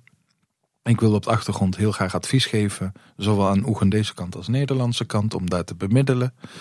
Eh, want er zal altijd culturele verschillen en misverstanden komen. Eh, maar echt als het over eh, contracten en dergelijke gaat, daar wil ik echt buiten blijven. Heel slim, ja. Gaat de Efteling daar nog een rol in spelen in de toekomstige stappen? De Efteling is niet van plan om te gaan investeren of een kopie te gaan maken. Maar er zijn wel degelijk toezeggingen, wederzijdse toezeggingen gedaan om samenwerking is een groot woord. Bij samenwerking denk je meteen, oh Efteling zendt personeel daar naartoe en gaat iets kopiëren. Er, is, er komt een samenwerking, maar niet in de vorm van eh, ze gaan een nieuwe park beginnen. Nee, dat zeker niet. Nee, maar misschien wel advies geven of zo eh, op die vlakken. Ja, dus ik wil vooral eh, in hun kennis en ervaring putten. Ja, de- tijdens onze gesprekken met Koen Sanders en Jaap zijn er ook tegenoffers gedaan. En eh, nou, je weet maar nooit. Eh, wie weet kan Oeganda toch nog meer kleur brengen en eh Kaatsheuvel. Kijk, dat klinkt veelbelovend. Ik begreep wel dat dit niet jouw meest recente bezoek aan de Efteling was. Hè? Misschien, misschien maar goed ook dat je niet straks terug moet naar Oeganda met dat staatsbezoek als je meest recente Efteling herinnering. Nee, Dan- dat klopt. Ik kom nu net weer uit de Efteling. Met wie was je er vandaag? Nou, een van de samenwerkingen die ik eh, op mag zetten, is de samenwerking tussen de katholieke kerk van Den Bosch met eh, de katholieke kerk van het noorden van Oeganda. En ik eh, heb nu een zestal jongens, jonge mannen geselecteerd die opgeleid gaan worden om hier als priester te komen gaan werken. Die zijn nu op dit moment voor een anderhalve maand trainingsbezoek eh, om de regio te kennen, om de mensen, de cultuur te leren kennen. Nou, en ik vind het heel belangrijk als ze de cultuur leren kennen, dan hoort daar de Efteling bij. Dus ik ben vandaag de hele dag met hun in de Efteling geweest. Hé, wat vervelend. En eh, ja, hoe leg je aan iemand uit die totaal geen beeld heeft van achtbanen wat een achtbaan is? Ja, dan ga je toch vergelijkingen maken met treinen, want die kennen ze misschien wel. Nou, dat wordt ook moeilijk in Oeganda. Er rijdt één trein. Ja, ik zou bijna zeggen, je kan alleen maar kijken, toch? Nee, ik heb een andere manier gevonden. We gaan naar Vogelrok. Ja. Ik zeg dat er een vogelshow is, maar dat je in een trein moet zitten ter bescherming van jezelf tegen de vogels. En dan gewoon laten ervaren. ik kan je zo meteen wat video's laten zien hoe dat is gegaan. Je weet het wel te verkopen, Sander. Nou, ik heb geleerd, als je uitlegt wat een achtbaan is, dan is er angst. En eh, nou, dan pak je meteen eh, voor de eerste ervaring in je leven, maar de ergste. En daarna zijn ze in de Baron geweest, ze zijn in de Python geweest, ze zijn in de Joris en de Draak geweest en hebben schik gehad. Dus eh, Kijk, je hebt ze echt de hele dag mee op sleeptouw genomen langs alle Efteling hoogtepunten. Ja. Maar dit was wel je, je allerlaatste keer Efteling nu deze maand. Hierna eh, stap je op het vliegtuig. dit was eh, de allerlaatste keer Efteling dit jaar. Ah, Dat is een slecht vooruitzicht voor mensen zoals wij, Tim. Zeker als je weet dat het jaar nu op, ongeveer op de helft zit. Misschien wel meteen een mooi bruggetje, want je kunt natuurlijk ook de Efteling een beetje meenemen naar Oeganda. Ja. Heb je een favoriet Efteling souvenir? Ieder jaar neem ik eh, een Lulleville, of hoe noem je dat? Luville? ja, liefveel. Jij kan geen Frans. Eh, beeldje mee. En eh, die zet ik dan bij mijn verzameling in Oeganda op kantoor. En ja, nu heb ik ook roemspray mee om Ah, Fata Morgana en, eh, eh, symbolica op kantoor te halen. en als je nou een element uit de Efteling hebt wat dan niet per se een souvenir is, die je mee zou mogen nemen naar Oeganda, wat zou je dan meenemen? En nou moet je niet van spelen en zeggen vogelrok, want dat is iets te groot misschien. Ja, iets uit de Vliegende Hollanders. Oeh, Ik zou zo'n leeuw met schild eh, heel graag mee willen nemen. Dat zou ook best wel een goed souvenir zijn trouwens. ja, ja, Wel een precies. beetje lomp misschien, om die dan... Ah, nou beetje we zwaar in de koffer. In het Efteling tuincentrum. Een halve kuub beton mee. eh, Dat ze daar nog niet zo'n klein beeldje van gemaakt hebben, snap ik niet. ja, Kijk, gratis tip voor eh, de afdeling retail. Ja, ik denk dat het het beste, best goed zou doen. dat denk ik ook. Ja, nu misschien de, de, de meest beladen vraag eh, die normaal gesproken misschien wat lustig is. Maar zijn er dingen die jij uit de Efteling meeneemt in jouw eh, dagelijks leven? Dus misschien in je werk of zo. Ehm, ja, nou laat ik het volgende voorbeeld geven. Ik laat mij inspireren. eh, eh, ja, ik leg altijd ehm, het sprookjesbos uit eh, aan mensen die het niet kennen in Oeganda. Ehm, dat het kinderverhaaltjes zijn met een moraal om iets te leren. Zoals jullie dat zeggen, ons fonds. ik heb dus ook eh, aan de kinderen, aan de jongeren, het verhaal van het lelijk eendje. Nou, dat is nog niet in de Efteling, maar ons fonds wil dat graag. Ik gebruik dat verhaal dan ook in de context van, eh, je kunt nu misschien eh, iets anders zijn als anderen, maar je kunt uitgroeien tot iets groots, iets moois. en een van de vluchtelingen uit Zuid-Soedan, die heeft daar een schilderij gemaakt. En die hebben wij in de Efteling dus ook overhandigd. En mij is gezegd dat die nu in de gang hangt van het Ravelijn-kantoor. eh. Uh, ja, dus uh, hij had schilderij in twee helften verdeeld. En dan had hij een, lelijk grijs kuikentje. En dan water met als afspiegeling een mooie zwaan. En ja, die hebben wij nu aan de Efteling ook overhandigd. Dus in mijn werk probeer ik um, de, de, de jongeren mee te trekken. Door manier van vertellen, van verhalen om even uit die sleur te halen, maar ook meteen iets te leren. Uh, en daar gebruik ik soms Efteling verhalen voor. En als het internet werkt, dan wil ik soms uh, Carnaval Festival on Ride laten zien. En uh, moet ik wel alles uitleggen, want dat snappen ze niet. Maar ja, acht banen laat ik toch wel achterwege. En dat is toch echt te moeilijk als je geen concept hebt. En hoe doet de, de Toon Hermans melodie het in Oeganda? Uh, de mensen waar ik mee werk uh, en ook wel eens bij mij in de auto zitten, uh, ja, die kennen dus dat soort melodieën. um, en kleine boodschap. Ja, nou ik zeg heel eerlijk, um, kleine boodschap luister ik niet maar Oegandese erbij, omdat het alleen maar Nederlands is. ja, laat me niet heel dus als ik alleen rijd, dan staat kleine boodschap aan. Kijk, net zoals als je de Carnaval Festival draait, zit er een stukje tussen knibbel, knabbel, knuisje en zo. Dat begrijpen ze dan niet helemaal, moet ik oh, even uitleggen. CD, ja, ja. ja, dus de muziek die uh, heeft heel veel uh, lachwekkende reacties opgeleverd. Omdat het toch een andere soort ritme is waar ze niet gebruikelijk mee zijn. En als je naar jezelf kijkt qua muziek, wat, wat is nou jouw favoriete muziek uit de Efteling, denk je? Villa Volta. Uh, Vliegende Hollander. Goeie keuzes. Ja. Volgens mij onze twee favorieten ooit, Paul. We hebben ooit een uh, ja, van ieder. Ja. ja. Volgens mij aflevering 37 of zo. We hebben ooit eens een aflevering gemaakt over onze favoriete muziek van de Efteling. En dat waren uh, onze twee persoonlijke favorieten. Ja, zeker. Met Villa Volta is natuurlijk ook een kerkelijke link, maar... Nou, uh, als je naar heel veel verhalen kijkt, behalve Spookslot, Meisje met de zwavelstokjes, Villa Volta, er zitten heel veel verhalen waar een kerkelijke link onder liggen. En uh, dus als ik uh, in die attracties ben en aan het vertalen ben, uh, realiseer ik me eerst ook niet, maar stiekem zitten er toch wel verschillende over zondebesef, fouten, vergeving, hemel. dat zijn concepten die uit de christelijke hoek komen. Ja, en thema's die natuurlijk in heel veel Efteling verhalen voorkomen. Ja. Hoe, hoe staat de kerk daar eigenlijk in? Vindt de kerk het niet verwerpelijk dat de Efteling van al dat soort verhalen en thema's gebruik maakt in attracties? Nee. Waarom zou dat verwerpelijk moeten zijn? Nou, ik weet dat bij uh, strenggelovige gereformeerden dat, dat uh, bijvoorbeeld de Efteling of überhaupt pretparken aan zich al als heel verwerpelijk worden beschouwd. Ja, maar dan zit je op de Bijbelbelt. Ja. We zitten hier in Brabant. Die pakt al een toefje mee natuurlijk. Ja, precies. uh, ja, wat is iemands intentie? Daar kijkt de katholieke kerk naar van... Nou, de meest bekende in Nederland voorbeeld, uh, Bisschop Muskus uit Breda. Een brood stelen wanneer je honger hebt is geen zonde. Uh, dus de katholieke kerk kijkt naar een intentie, naar eh, hoe is iets ontstaan. Dus eh, ik durf wel te zeggen, de intentie van de Efteling is zuiver. Is niet aanzetten tot zonde. Het is eh, tot ontspanning en vermaak. En dat mag. Kijk, dat heb ik nou altijd al eens willen weten. Een stuk wijzer geworden. En Sander, als je dan een rondje door de Efteling doet, hè, zo'n dag dat jij dan eh, daar rondloopt, zijn er dan ook eh, misschien food items? Of hoe gaan we het zeggen? Hoe heet, hoe heet het ook weer zo'n typisch eh, gethematiseerd stuk eten in de Efteling? Een signature snack. Paul. Het begint te komen, het begint te komen. Hij heeft al veel training gehad.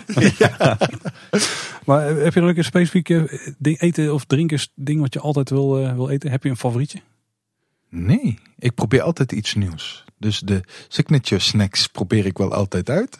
Heel goed. Eh, eh, ja, dat is niet echt dat ik iets favoriets heb. Nee. Het is niet zo als je dan, dan terug bent in Nederland dat je zegt ik wil echt eh, iedere keer een worstenbroodje of zo.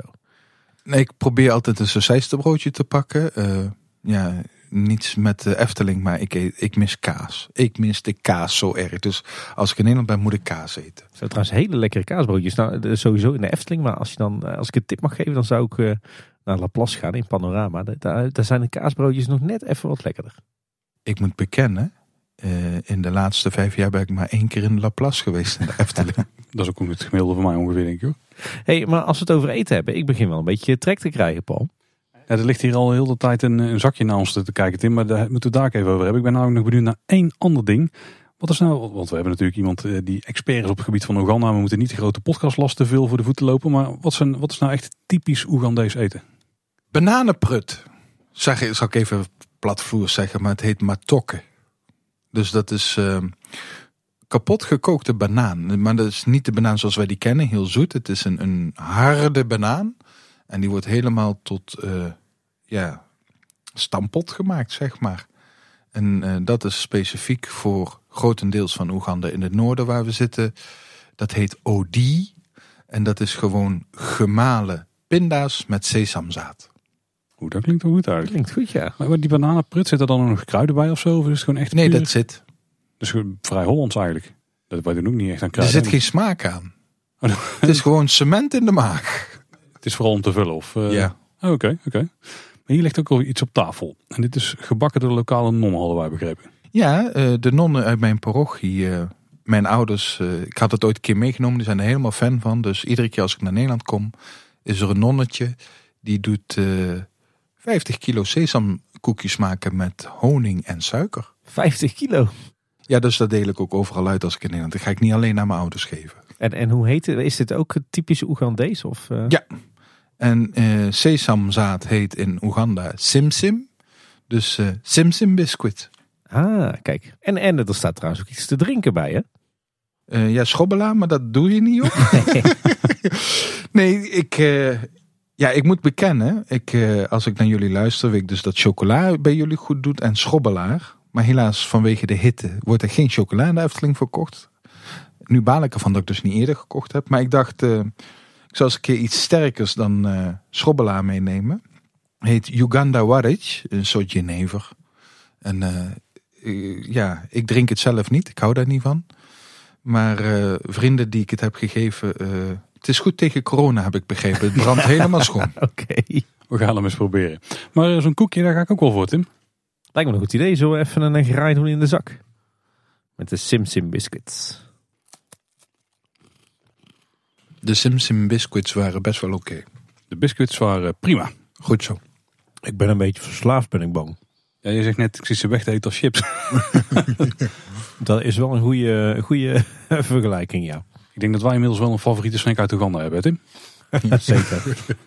Als we toch wel een favoriete hebben, wat is jouw eh, favoriete detail uit het park? In het Sprookjesbos de vuurvliegjes, de bezemsteel tegenover draak licht geraakt. Ja, dat soort geintjes. Ja, de verstopte details. Ja. Zijn er ook dingen die je dan aanwijst aan mensen die eh, met jou voor het eerst het park Ja. ingaan? Ik wil ze vooral eh, dat soort dingen laten zien. Dat ze, laat ik zeggen, dieper gelaagd het park in kijken. Ja, ik snap dat wel, ja. Want het- is inderdaad, als je van sprookje naar sprookje loopt, dan voelt het heel conceptmatig misschien bijna. Ja, ik denk dat je de eerste keer misschien niet door hebt, maar als je er wat meer analytisch naar kijkt wel. En dan juist van die details die buiten de, ja, het standaard eh, concept vallen, zeg maar, die zijn dan Ja. extra tof. Zullen Zeg eerwaarde. Uh, Sander is goed hoor. ja, eerwaarde klinkt toch mooier. Uh, je had het er net al over dat, dat jullie de dag zijn gestart met de, de delegatie uit Oeganda op het Herautenplein. Uh, daarover gesproken, wat is eigenlijk jouw favoriete plek in de Efteling? Ja. Je mag ook gewoon Herautenplein zeggen hoor. Ja, ik, ik, denk inderdaad dat het Herautenplein gaat worden. De geschiedenis die daar hangt, de, de sfeer, uh, de, de, ja, hoe het uh, gedecoreerd is. Ja, de Herautenplein. Ja. ja, ik weet dat je daar uh, je toenmalige vriendin ten huwelijk gevraagd hebt. Ja, ja, ja. nog, nog, steeds vrouw. Dus, Ja, nog steeds vrouw. Tim ja. kan dit alleen maar goedkeuren, denk ik. Ja, ja, ja. Hey, en een favoriete attractie misschien ook? Ja, Vliegende Hollander. Ik hoop dat er ooit nog een keer, zoals jullie zeggen, toch nog wel een miljoentje of zo er tegenaan gesmeten wordt om uh, bepaalde details wat meer uit te werken. Uh, maar uh, ja, nee, die, die, die, combinatie van Dark Ride rollercoaster, die vind ik wel heel mooi. En misschien ook de moraal dat je met Pasen niet uit mag varen? Precies. Kijk. Daar heb je weer zo'n grondlegging van de kerk. Ja, Sander, en dan nou uh, de vraag die ons al heel lang heeft bezig gehouden. Maar misschien uh, kan jij er nog een, een extra druppel in de emmer gooien. Wat is nou voor jou echt Eftelings? Voor mij is echt Eftelings, ja, dan kom je toch weer mijn Anton Pieck aanzetten. De, de Anton Pieckplein, um, die kleurencombinatie, die afwerking, detail. Ja, ik kom wel eens, of ik kom wel eens, ik ben wel eens in Euro Disney geweest. En daar zie je dat uh, die Amerikaanse filosofie van making money aanwezig is. Dat is bij de Efteling nog niet aanwezig. Ik hoop dat de Efteling dat zo kan houden. Natuurlijk, uh, er moet geld gemaakt worden. Um, de Efteling heeft toch wat meer mystiek, romantiek, of, verwondering. En, en, want daar had ik het vandaag met de jongens ook over van... Als je, ik liet wat plaatjes zien op de telefoon... Um, hoe uh, Disney eruit ziet en dat het heel duidelijk commercieel gericht is. En ik zeg, nou kijk nu eens hier. Hier vind je geen rechte paden. Welke filosofie zit erachter en waarom? En ja, dat is voor mij echt Eftelings. Mooi. En wat, wat, nou ja, eigenlijk heb je die vraag denk ik al deels beantwoord, maar ik ga hem toch stellen. Wat maakt de Efteling voor jou nou bijzonder? Wat maakt de Efteling tot een ander park dan al die andere pret- en themaparken? Ja, dus dat je in een hele andere wereld loopt en um, je kunt zeg maar dwalen. Niet verdwalen, maar even dwalen door de bossen heen. En als je een hoekje omkomt, dan hé, hey, dan uh, staat er een draak of hé, hey, uh, papier hier. En, de, de Oegandezen kunnen dat trouwens al goed zeggen, papier hier. even, even een kleine zijstap, hoor. het heeft niks met de Efteling te maken. Maar sta je in Oeganda nou ook nog wel eens oog in oog met een wild dier? Um, ja, zwarte boscobra. Oei. Als ik uit mijn kamer kwam. Uh, nou, ik heb uh, in het zuidwesten in Queen Elizabeth National Park gewoond en gewerkt. Ja, dan wil er wel eens een kudde olifanten oversteken. Dan moet je een half uur, drie kwartier wachten, want daar mag je niet door kruisen. En wat naar. Een luipaard met op de weg, of ineens komt er een uh, uh, nijlpaard de weg overrennen. Ja, dat soort dingen heb ik wel meegemaakt. Dat is voor jou een beetje net, net, net zo normaal als voor ons een, een eend die de weg oversteekt, zeg maar. Nou, ik maak altijd de grap naar Oegandese over overstekend wild. Ja, de grootste beest wat wij hier in Nederland voor de auto kunnen krijgen is een hert. Ja, en daar een olifant. Ja. Dan weet je wel wie er wint. Ja. Tegen de hert leggen heel veel auto's toch gewoon af. Hoor. Het hangt van de snelheid af, van beest en auto ja, volgens dat, mij. dat is waar, dat is waar. Maar laten we ze vooral ontwijken. Ja. Ja, ik me trouwens wel voor kan stellen is dat jij regelmatig met gezelschap in Efteling komt die er, die er dus nog nooit zijn geweest. Ja. Denk ik. Dus jij, jij maakt heel vaak de Efteling opnieuw voor het eerst mee. Door de Ja. ogen van anderen. Ja, Moet dat vind ik ook geweldig, ja. Nou ja, zoals uh, ik al eerder zei, uh, achtbaanervaring. Vogelrok. Ja, die filmpjes moeten daar nog even kijken, want ik ben wel benieuwd. Uh, die verwondering klinkt dan heel erg. En dat is wel mooi om te zien. Ja, wat zit daar nou lijn in? Hè? Want jij, jij, jij krijgt het dus iedere keer mee van die, de allereerste kennismaking van mensen. Vaak van bu ver buiten Nederland. De eerste kennismaking met de Efteling zit daar een bepaalde lijn in. Dat je zegt van het is altijd dit of dat waar zij zich zo over verwonderen. Of wat zij zo mooi vinden. Zoals bijvoorbeeld nu die, die priesterstudenten die komen soms uit uh, afgelegen dorpen. Niet uh, wel uh, geleerde families. Nou ja, om priester te worden heb je een universitaire opleiding voor nodig. Dus ze zitten op de universiteit. En ja, die dansende rode schoentjes, hoe doen ze dat? Ja, zit er een magneet onder? Ja, er zit een magneet onder. Oh. Ja, een ander geintje wat ik altijd uithaal is bij de trollenkoning. Dan zeg ik van, uh, hij brabbelt iets, maar er zit Engels, Duits en Frans tussen. Ik wil weten, wat zegt hij in het Engels? En dan laat ik ze op die steen voor de klok staan en uh, goed luisteren, hè? en uh, dan begint het ineens te trillen en dan denken we meteen, er is een aardbeving. En, en dan rennen ze weg. En ja, als je dan uitlegt welke techniek erachter zit, Oh, en dan willen ze nog een keer ervaren, want nu weten ze wat er gaat komen. En dan beginnen ze, dan hebben ze er ook diepe lol in. Maar ben je heel dag mensen voor de gek aan het houden, als ik het zo hoor. Je moet zelf schik maken, zeggen ze altijd. ik ben niet sadistisch hoor, dat niet. Nou, ik heb trouwens een keer een plastic slang gekocht uh, in de Efteling. En mee naar Oeganda genomen. En uh, die doe ik dan in mijn broekzak. En dan gooi ik die naar iemand. Hier, hou vast. Ja, en dan schrikken ze enorm. Slangen, daar zijn ze bang van. Ik zeg, ja, maar het is plastic. Ik hou het vast. Ik ben zelf enorm bang van slangen. Maar zo'n plastic speelgoedslangetje, daar kan ik wel tegen. Nee, ook aan deze toch niet. Maar in Oeganda kun je ook per vergissen. Dat je denkt, ik pak mijn plastic slangetje even mee. En dat dan blijkt dat het echt is. Nee, nee, dat is een heel duidelijk verschil in. Oh, ik weet niet hoe het ze tegenwoordig zijn in de Efteling. Misschien een heel gevoelig onderwerp, maar um, een aantal jaar geleden hadden we Monsieur Cannibal natuurlijk nog in de Efteling.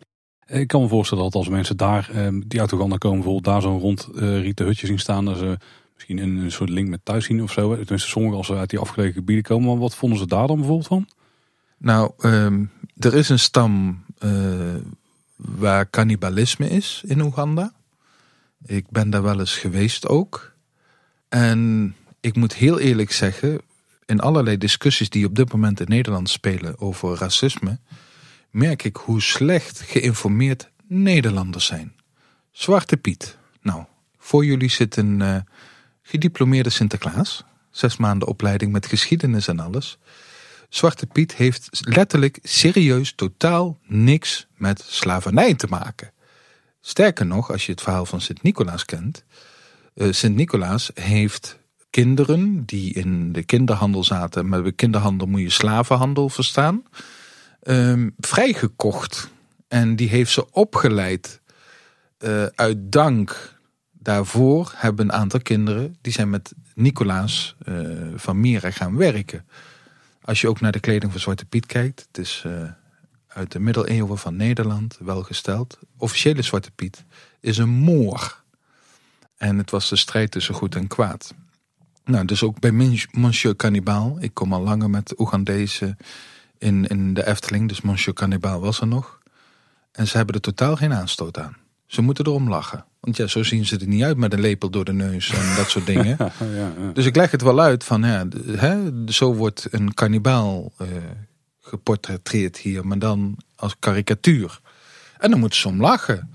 En, en dus die hele discussie gaat aan hem voorbij. En ah, ik leg, ik, ik leg het ook iedere keer uit van, dat ligt heel gevoelig hier en... En dan hebben ze zoiets, maar waarom ligt dat gevoelig? Dat slaat toch nergens op? dus uh, nu zat er iemand in de delegatie die Monsieur Cannibal ook gezien heeft. En nu dan uh, Sirocco. En die had zoiets van, ja, ze hebben het wel mooi opgelost, maar overbodig. waarom is hij weg? Ja. ja. En denken ze niet dan bij het zien van zo'n hutje van... Ja, maar dat klopt helemaal niet, want uh, dan moet je nog allemaal... Uh, ik weet het niet, dingen tegenaan smeren. Ik zit zelf maar te verzinnen hoe ze die hutjes bouwen. Dat ter plekke, dat is al iedere nee, nee, nee, want die hutjes lijken in totaal, totaal niet op de huisjes uh, in Oeganda. En, en de, de, de oude Afrika-scène in Carnaval Festival met die inboorlingen, zou je bijna zeggen. Nou, daar heb ik het ook uitgebreid met de minister over gehad. Zo van, hier in Nederland wat, uh, was het een gevoelig onderwerp. En mede daardoor is het aangepast en anders aangekleed. Ja, maar iedereen ziet toch dat dit niet echt is. En dat dit niet de weergave is van de werkelijkheid. Want als je naar die, die, die Engelsen kijkt, naar de gardisten. Ja, die zien er in het echt ook niet zo uit. En het is allemaal overtrokken. En kijk je naar Italië die agenten zien er zo niet uit. En, uh, ja, dus iedere keer, uh, ja, de gevoeligheden die wij hier kennen, kennen hun niet. En die begrijpen ze ook niet altijd. Dus ook over Afrika. Ja, ze maakten opmerkingen van, goh, de, dit zijn van die computermuziekdieren. Uh, dus daar krijg je opmerkingen over, waarom nemen ze dan geen echte dieren op? Ja, ja, ja. Oh, kijk, Dat zijn dat de dingen waar ze op letten. een heel ander perspectief. Ja. Zijn, zijn er dan wel bepaalde andere dingen waar ze zich enorm over verbazen in de Efteling? Of wat ze heel raar of gek eh, of eng vinden? Of... Ehm, ja, en dan gaan we naar Fata Morgana, die slangen. En eh, ja, krokodillen. Ik liet eh, bepaalde Oegandezen links van mij in de boot zitten, dat ik wist, we komen langs die krokodillen op. En die sprong letterlijk op mijn schoot. Maar ik zei, als je nou eens goed door de water kijkt, zie je de pijpen zitten. Dit is een mechanisme, dit is een robot, dit is niet echt. Oh ja, oh ja, oh ja. De tijger doet hij dan nog iets of eh, ook aan de linkerkant trouwens. Oeh. Ja, ja, ja. ja, dus ik, ze zien die tijger, e- de, eerst, de eerste tijger en dan de tweede tijger. En dat die ook ineens naar voren komt. Dan zo, oh, even schrikken. Toch raar. Je zou zeggen dat juist mensen uit Afrika veel meer gewend zijn aan wilde dieren. Maar die hebben juist, ja, misschien wel goed ook, een bepaald soort natuurlijke angst voor Ja. wilde dieren. Ja, want dus die slang in eh Fata Morgana is een discussie van... maar waarom doen jullie dat afbeelden? Want dan word je niet bang van echte slangen. Ik zei, nou, Hmm. ik, ben, ik blijf bang van echte slangen. En er zit wel iets in, ja. Hoe zit het dan trouwens met, met Nederlands eten en drinken? Wat je in, in een park als Efteling eh, koopt. Eh, heb jij ze volgestopt met suikerspin, poffertjes? eh? Nee, dat doet het niet goed. Hun zijn niet zoet eten gewend. En eh, dus ik probeer eh, qua eten voor hun, ja natuurlijk ik ze een suikerstok proeven, eh, popcorn. Maar eh, nee, dat allemaal te zoet, te zoet, te zoet, te zoet, te zoet. Ze, dus ik moet eh, ja, wat vers eten halen voor hun. Geen broodje Unox of zo? Nou, dat valt wel goed bij u. Ja, ja, ja. ja. Dus, nou, nog zo'n kans voor Unox dan. Om de markt wel groter te maken. Ja. Heb je nou in de Efteling nog elementen waarvan je zelf vindt dat die ondergewaardeerd zijn?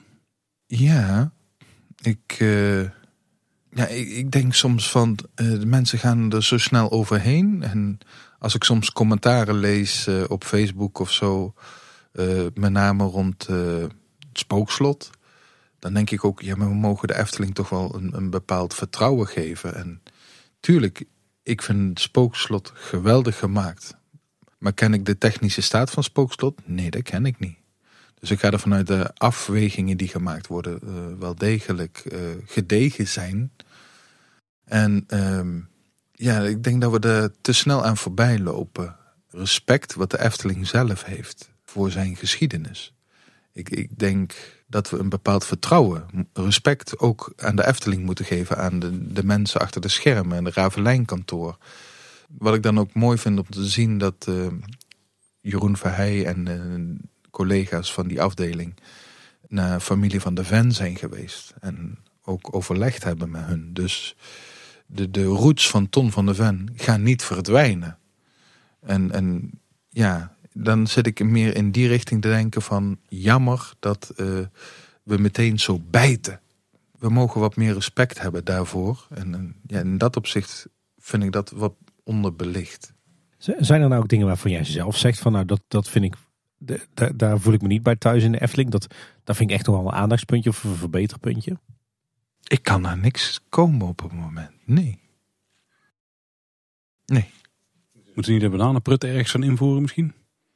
Nou, de Sint-Nicolaasplaats. Ik vind dat Sint-Nicolaas eh, iets meer aandacht mag krijgen. En ja, wat ik ook wel jammer vind. eh, en dat viel me dus ook op met eh, die groep eh, Nederlanders die bij ons in de delegatie zaten. De katholieke wortels van de Efteling. Ook de Efteling zelf spreekt daar niet veel over. En eh, dat, is, ja, dat is een puntje waarvan ik denk. Waarom zou je schamen voor die beginwortels uit 1933? Efteling is ouder dan 70 jaar. Je bent een, eh, Je hebt een man- medestander. Tim. Ja, ik wou net zeggen, je een, bent een man aan mijn hart. eh, en meer Afrika in de Efteling, zou dat nog iets zijn wat jij, wat jij wenst? Afrikaans sprookje, een Afrikaanse attractie.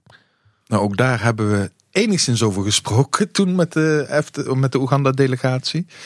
De, je weet maar nooit. En ehm, misschien kan dat ook helpen bij het internationaliseren. Dat ze, kijk, nou is Max en Moritz eh, erbij gehaald, een onbekend sprookje voor de meeste van ons. En die zijn nu eh, ja, door de Efteling ineens op een ander sprookje gewezen. Eh, dus ik denk dat er genoeg inspiratie is voor de Efteling buiten Europa. En nou ja, goed, ik denk dat de Efteling dat ook heel goed zelf kan kiezen. Nog een klein zijstapje dan. Eh, Ben je recent ook nog in de Beekse Bergen geweest? Dat durf ik niet met de Oegandezen daar naartoe te gaan. Omdat ze dan, eh, ik denk alleen maar commentaar hebben hoe wij eh, als toeristen door een dierenpark gaan. Want zo rondjes rijden met z'n nagemaakte meertjes en wat, dat is niet de werkelijkheid. En dan hebben ze wel commentaar. Ja, precies. Daar was ik heel erg benieuwd naar hoe je daar dan naar zou kijken. Omdat daar natuurlijk Afrika soort van wordt nagebootst. Soort van. Blijf Nederlands. Heb jij zelf nog eh, wensen of een soort toekomstbeeld of misschien wel een droombeeld voor de Efteling?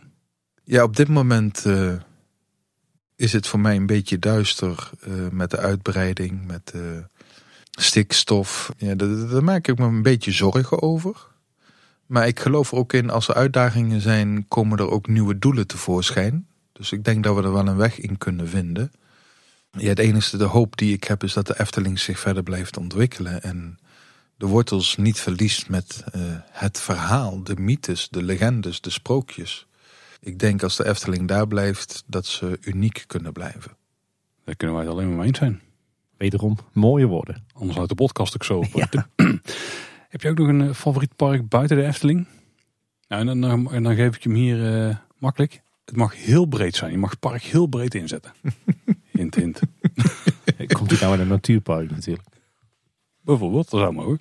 Um, nou ja, als ik naar Oeganda kijk, dan zit daar Murchison Falls. Uh -huh. Dat is... Uh, als je bijvoorbeeld naar Zuid-Afrika kijkt, heb je daar uh, Krugerpark. Dus het park is echt toeristisch aangelegd. Ze hebben meertjes aangelegd met weggetjes eromheen, zodat dieren gaan drinken en toeristen vanaf boven uh, naar de dieren kunnen kijken. Een soort Beekse Bergen dus. Juist, maar dan iets groter. Nou, Oeganda heeft er bewust voor gekozen alles natuurlijk te houden. Ja, dan rij je echt door de natuur. Uh, natuurlijk uh, zijn de beesten wel wat gehouden op een bepaalde manier. Ja, dus Murchison Falls, uh, Ziwa Park, dat is tussen de witte neushoorns. Hm. Dat is ook wel een favorietje van mij. En dan geven we naar Murchison's Falls, zeg je het? Ja, Murchison. Murchison Falls, oké. Okay. Want, want ik dat er watervallen zijn.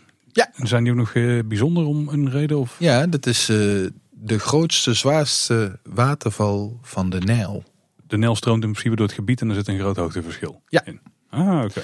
Ja, er ligt een politiek gevoelig puntje tussen Kenia en Oeganda. Waar ligt de bron van de Nijl? Oeganda zegt Oeganda, Kenia zegt Kenia. ja, ik heb begrepen dat uh, bijna de helft van Lake Victoria in Oeganda ligt. En Ja. het, het- daarna het grootste deel in Kenia en dan nog een heel klein stukje in een ander land. Ja, dan is het toch duidelijk, dan is het Oeganda. Hetzelfde als met de populatie gorillas. Hè? Oeganda, Ja, grootste popula- populatie. Dat hebben we al eens eerder, al eerder voorbij horen komen. Dat, Maar dat zijn landsgrenzen, dus dat is allemaal makkelijker misschien. Dus de grenzen op het land. Sander, heb jij, heb jij nog wat eh, stichtelijke woorden voor ons als eh, podcast? Nou, ik moet heel eerlijk zeggen, ehm, mede door jullie eh, ben ik ook andere podcasts gaan luisteren. De tips die jullie soms geven.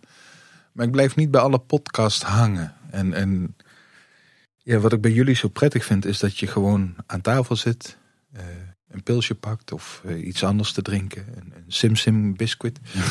Er zijn er aardig wat gesneuveld. het Ja, zoveel erover. Ehm, ik, ik heb geen. Nee, ik heb geen opmerkingen. Door blijven gaan wat jullie doen. Dit, dit voelt prettig zo, dit voelt goed zo. Eh, authentiek. Ik, ik denk dat dat wel heel belangrijk is. Leuk om te horen. Hey, hoe, hoe zien de komende eh, weken eruit voor eerwaarde Sander? Bezoeken, bezoeken, bezoeken en vergaderingen. In Eh, Nederland nog? Ja, ik ehm, ga vrienden bezoeken, familie bezoeken. Ik ben wat dingen op touw aan het zetten voor Oeganda. Dus daar moeten gesprekken over komen. Ja, dan ga ik weer terug met de blauwe vogel van Nederland naar Oeganda. En eh, wat, eh, wat tref je dan aan? Waar ga je dan mee aan de slag? In Oeganda of? Ja.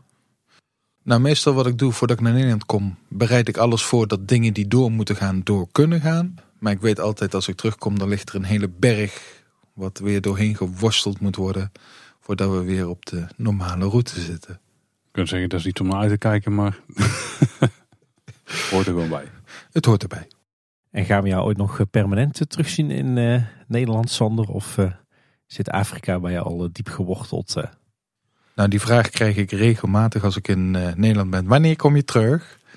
Ehm, ik had eh, mezelf altijd voorgenomen, als ik bepaalde werk heb afgerond, Dat ik dan toch wel terugkeer als mijn gewrichtjes beginnen te piepen en te kraken. Laat ik dan teruggaan naar Nederland. Maar het werk wat ik nu doe en het niveau waar ik nu ben. Ik weet niet of ik dat ooit in Nederland ga krijgen. Dus uh, er zit bij mij een twijfel of ik terugkeer of niet. Als je nou in Oeganda bent, voel je dan een Nederlander in Oeganda? Of is het zo dat als jij in Nederland bent, dat je je weer een Oegandees in Nederland voelt? Alle twee. Ja, waar je je tegenaan uh, schurkt, daar neem je iets van over. Ja, ik zal nooit volledig Oegandees worden. En, en bepaalde Oegandese trekken, ja, die neem ik mee naar Nederland. Verliefd op Afrika? Ja. Afrika is heel groot, maar uh, verliefd op Oeganda, ja, de manier van leven, uh, de klimaat, ja, dat is wel allemaal prettig.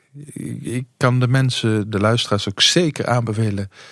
Uh, ga eens een keer naar Oeganda op vakantie. Heel veel mensen denken er niet over na, maar er is zoveel pracht, natuurlijk pracht in Oeganda, wat wij niet kennen.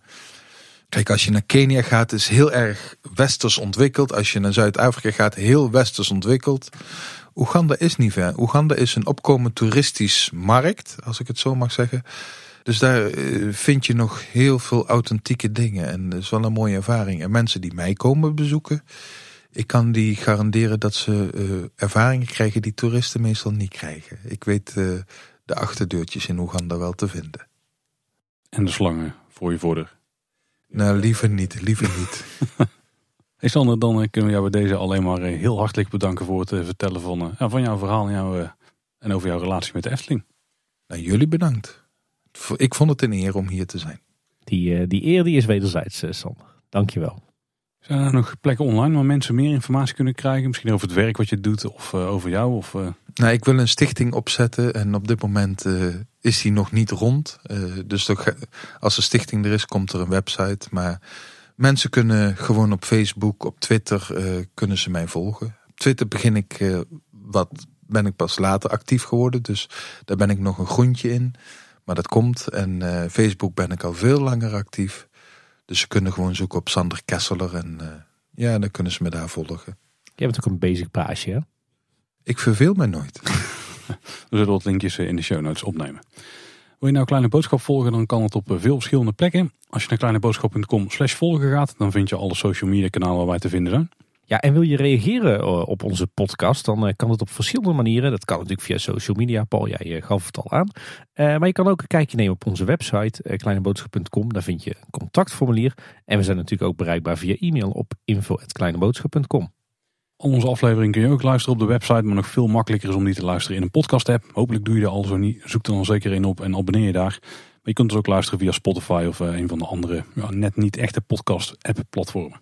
En uh, luister je ons nou in een, uh, in een podcast en je bent geabonneerd, dan vinden we het ook altijd extra leuk als je ons een rating of een review geeft. Dat kan bijvoorbeeld op Spotify en in Apple Podcast. Ja, en nog toffer is als je misschien iemand anders enthousiast kan maken over Kleine Boodschap. Dus vertel het door. Misschien ken je nog iemand in een land diep in Afrika die ook nog een link heeft van vroeger uit met de, de Efteling. En nou, die kan het interessant vinden om te luisteren, heb ik gehoord van een bekende. Ik, ik wil wel wat meer speltjes in die wereldkaart, ja, waar onze, al onze luisteraars zitten. Hey Sander, nogmaals dank. Houdoe waar. Nee, je zit te vroeg. Luisteraars, dat was weer voor deze week. Bedankt voor het luisteren. Tot de volgende keer. En houdoe. Houdoe waar. Afoyo. Oeh, dat is er een nieuwe voor in de collectie. Het voelt een beetje als uh, grote podcast toch?